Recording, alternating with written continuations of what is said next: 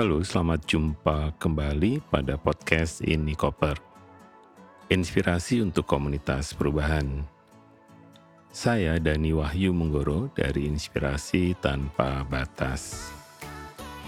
Kali ini saya ingin berbagi tentang apa sebenarnya yang kita bisa respon ya bagi fasilitator saat sudah membuat konsep atau sudah membuat alur, sudah membuat outline untuk bisa membantu sebuah pertemuan lebih mudah mencapai tujuannya.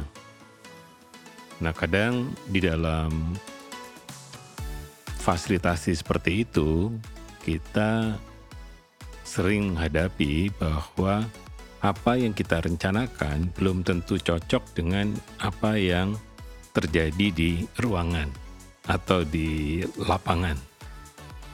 Nah, ini bisa sering terjadi karena kita tidak selalu sempurna memperoleh informasi seperti siapa saja yang akan hadir, berapa jumlahnya, kemudian bagaimana suasana ruangannya, apakah memadai atau terlampau kecil atau bahkan terlampau besar.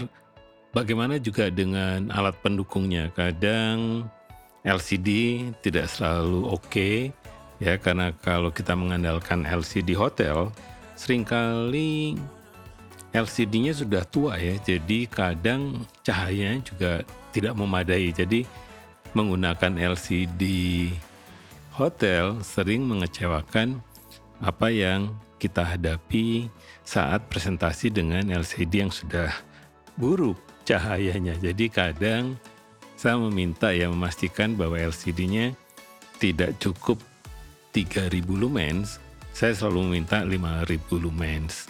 Nah dengan cara itu meskipun sudah tua, biasanya cahaya masih oke okay lah. Jadi saat apa ya semacam jendela kita buka dan cahaya alami masuk itu slide masih bisa dibaca dibandingkan kita harus tutup semua korden atau semua lampu harus diredupkan sehingga itu juga tidak disarankan.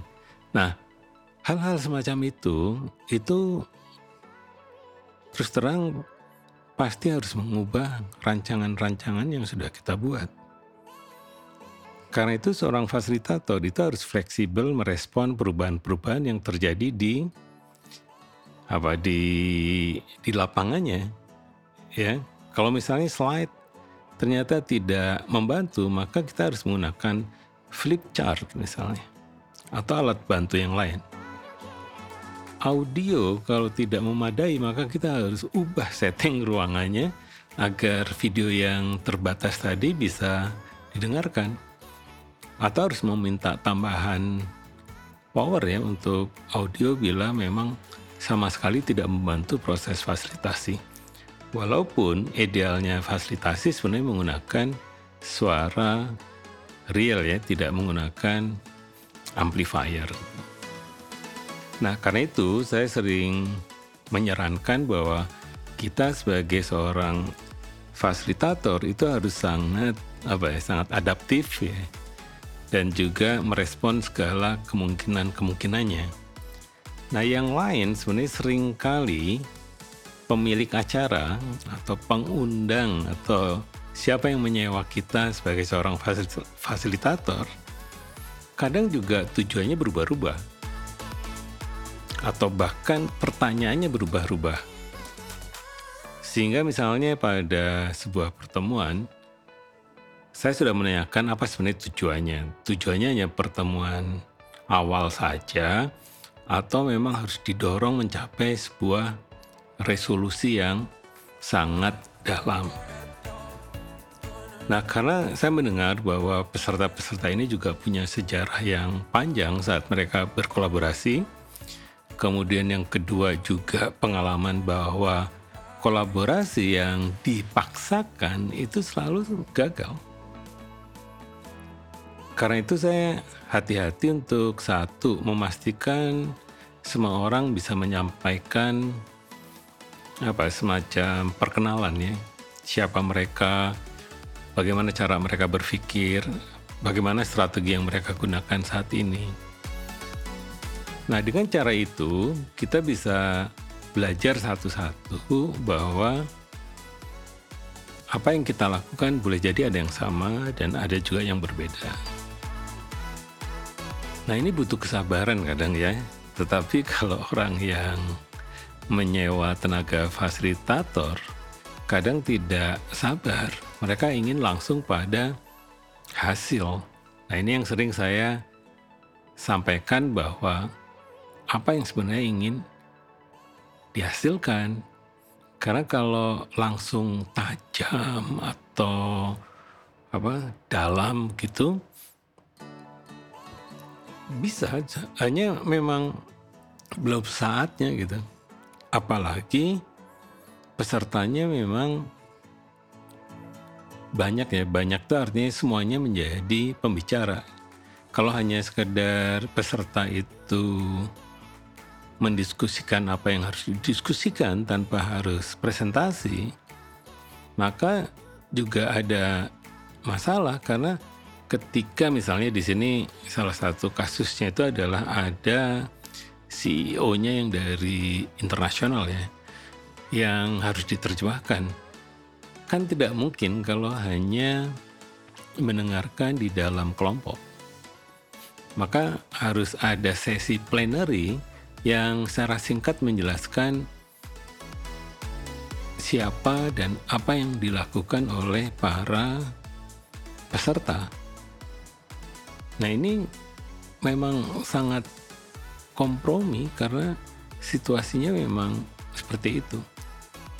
Yang kedua, kadang tadi ya bahwa pertanyaan-pertanyaan yang kita ajukan itu sudah disetujui, tapi kadang di dalam perkembangan dinamika kelompoknya kita harus punya pertanyaan baru dan kadang yang menyewa kita itu meminta kita untuk mengubah pertanyaan untuk menjadi sesuatu yang lebih tajam misalnya. Sesuatu yang lebih dalam, sesuatu yang lebih menantang. Kadang saya setuju dengan usulan dari para pengamat atau pemilik inisiatif ini, tapi juga jika pertanyaan itu justru akan membuat apa semacam perubahan yang justru menjauh dari tujuan pertemuan, kadang kita juga berhak ya untuk bertanya ulang apakah memang pertanyaan ini lebih strategis dibandingkan pertanyaan yang awal. Nah ini yang terus terang saja kita sebagai fasilitator harus bisa merespon dengan cepat ya situasi-situasi yang selalu berubah di di lapangan. Dan lagi-lagi sebagai seorang fasilitator, kita kan konten netral ya.